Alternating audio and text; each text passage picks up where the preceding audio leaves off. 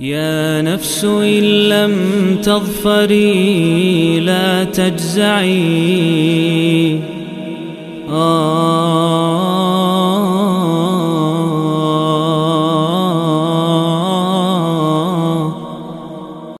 Bismillah, walhamdulillah, wala hawla wala quwwata illa billahi amma ba'd Para hadirin yang dirahmati Allah Ini adalah pertemuan terakhir dari serial 114 hari menyambut bulan Ramadan Dan segala puji hanya bagi Allah subhanahu wa ta'ala saja Yang telah memberikan kita taufik dan kemudahan Dan semoga Allah selalu, memberikan kepada kita keikhlasan Dan itiba pada Nabi tercinta Nabi Muhammad Sallallahu alaihi wasallam Surat kita kali ini adalah surat 114 surat terakhir surat An-Nas Dan Surat ini merupakan surat Makiyah yang turun setelah surat Al-Falaq sebelum surat Al-Ikhlas. Surat yang terdiri dari 6 ayat ini disebut dengan nama An-Nas. Tentu jelas diambil dari ayat pertama, Qul a'udzu birabbin nas. Katakan wahai Nabi, aku berlindung kepada Tuhannya manusia, kepada Robnya manusia. Dan surat ini tema besarnya adalah memohon perlindungan pada Allah Subhanahu wa taala dari gangguan di dalam diri manusia. Dari gangguan di dalam diri manusia. Dan hubungannya jelas dengan nama suratnya. Allah Subhanahu wa taala di surat ini menyebutkan bahwa gangguan tersebut berasal dari diri manusia dan bisa jadi lebih besar daripada gangguan eksternal. Makanya kata Allah Subhanahu wa taala, "Qul a'udzu birabbin nas, malikin nas, ilahin nas." Perhatikan. Allah Subhanahu wa taala di sini menyebut perlindungan, minta perlindungan kepadanya tiga kali. Qul a'udzu birabbin nas sekali, malikin nas disebut lagi namanya yang lain atau sifatnya yang lain, malikin nas, ilahin nas. Yang ketiga, kalau kita bandingkan dengan al-falaq sekali saja, a'udzu birabbil falaq. Padahal yang disebutkan gangguannya banyak. Tapi sekali saja. Ini gangguan yang disebutkan satu nanti.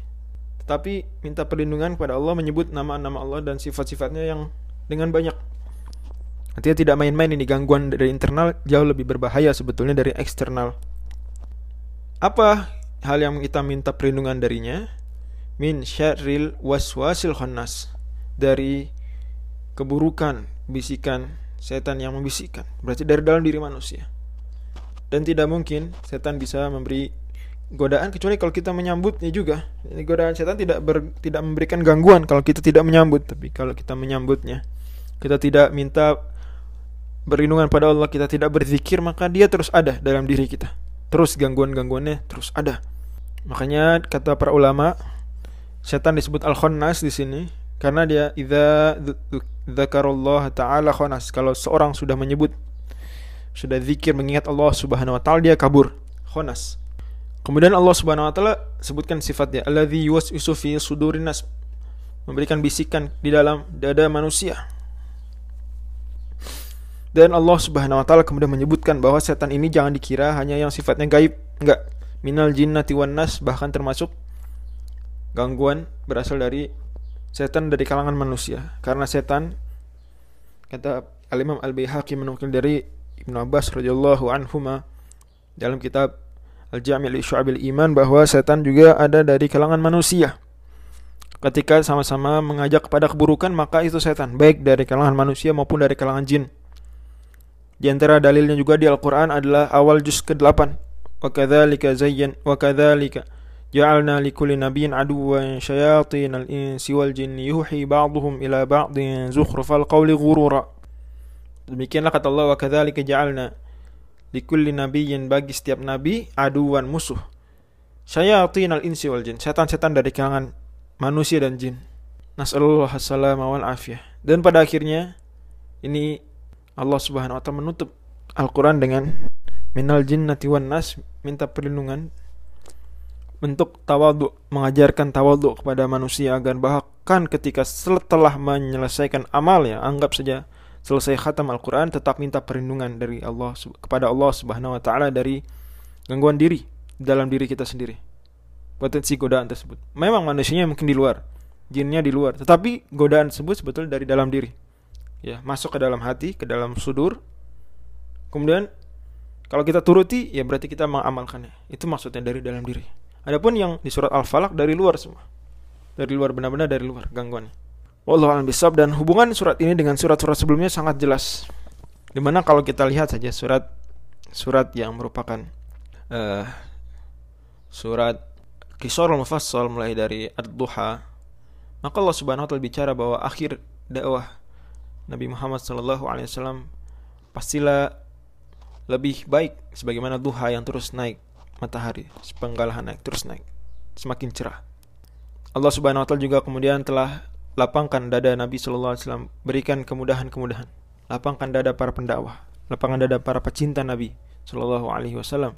Surat alam surat asyarah Allah Subhanahu wa taala juga telah gambarkan kemuliaan manusia. Surat At-Tin ibarat buah tin dia yang benar-benar kemuliaan tersebut dari dalamnya sudah mulia. Hanya jika dia menuruti jalan lain maka dia akan akan terhinakan. Tapi Allah Subhanahu wa taala ingatkan bahwa manusia tetap harus terus tingkatkan keilmuannya, keimanannya. Iqra dan Iqra-nya tidak sebenarnya Iqra tapi Iqra yang bismi rabbikal ladzi khalaq makanya dia terus bergantung pada Allah Subhanahu wa taala semakin mendekatkan diri kepadanya. Al-Alaq. Dan ilmu terbesar adalah ilmu yang berasal dari Al-Qur'anul Karim ilmu yang dengan turunnya Al-Quran di malam tertentu, malam Lailatul Qadar, malam tersebut semakin bertambah kemuliaannya. apalagi manusia. Ketika Al-Quran sudah ada dalam dirinya, diamalkan, dipelajari, membuatnya semakin mulia. Dan Al-Quran sendiri dibawa oleh seorang Rasul yang merupakan bayinah bukti nyata kebenaran Islam satu-satunya dan kesalahnya selain daripada Islam. Maka kalau seandainya manusia enggan untuk beriman padanya, dia hendaklah mengingat kengerian hari akhir. Mulai dari azal-zalahnya, di mana benar-benar ketelitian Yaumul Hisab membuat hati setiap manusia bergoncang takut. Dia mengingat bahwa kehidupan dunianya penuh dengan ketergesaan, ingin kenikmatan yang segera dan fana. Al-Adiyat. Allah ingatkan lagi agar takut pada Yaumul Akhir bahwa Yaumul Akhir itu Al-Qari'ah. Dia mengutuk keras hati karena benar-benar mengungkap dan menimbang amal-amalnya. Sadarlah dia bahwasanya selama ini di dunia dia telah tertipu, terlalaikan karena sibuk bermegah-megahan sehingga lalai. At-takatsur. Dia lalai terkait harta. Lalai juga terkait waktu al-asr. Lalai juga dia tertipu dengan kehebatannya sehingga sibuk mencela orang lain, merendahkan.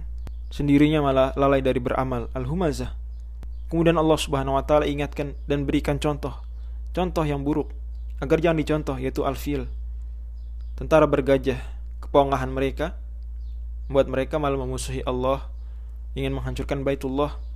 Sebaliknya itu juga nikmat kita harus sadar bahwa ada contoh lain umat yaitu bangsa Quraisy yang Allah telah muliakan tapi mereka pada awalnya Alhamdulillah tidak seterusnya seperti itu. Pada awalnya mereka menentang dakwah hingga kemudian Allah Subhanahu wa taala berikan hidayah. Dan bangsa Quraisy tersebut ketika mereka masih banyak yang kufur, maka Allah Subhanahu wa taala kecam betul-betul karakter-karakter mereka. Bahkan mereka enggan untuk memberi barang sedikit al-maun. Padahal nikmat Allah banyak atas mereka dan atas manusia semuanya al-kautsar. Dan kemudian Allah Subhanahu wa taala setelah sudah menguatkan konsep-konsep keimanan tadi, takut pada hari akhir, memberikan contoh yang buruk agar tidak dicontoh, mengingatkan kenikmatan, ya, nikmat yang banyak.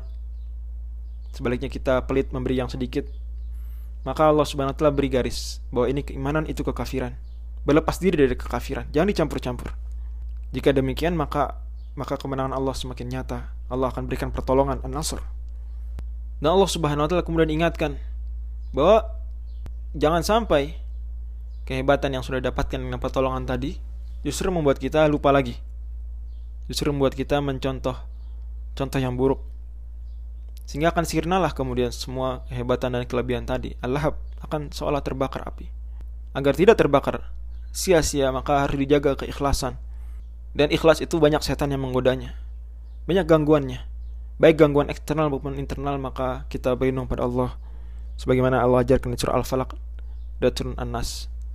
Dan dengan demikian inilah penutup daripada serial kajian kita. Semoga menjadi ilmu yang bermanfaat amal yang soleh dan untuk pertemuan yang terakhir memang sengaja. Mohon maaf 10 menit kurang lebih. Semoga bisa dimaklumi dan menyemangati Ramadan kita yang benar-benar sudah di depan mata. Taqabbalallahu minna wa minkum. Wa waffaqakumullah lima yuhibbuhullah wa yardah أقول قولي هذا وأستغفر الله لي ولكم ولسائر المسلمين والمسلمات فاستغفروه إنه هو الغفور الرحيم. من الله فتن قريب وبشر المؤمنين ثم السلام عليكم ورحمة الله وبركاته.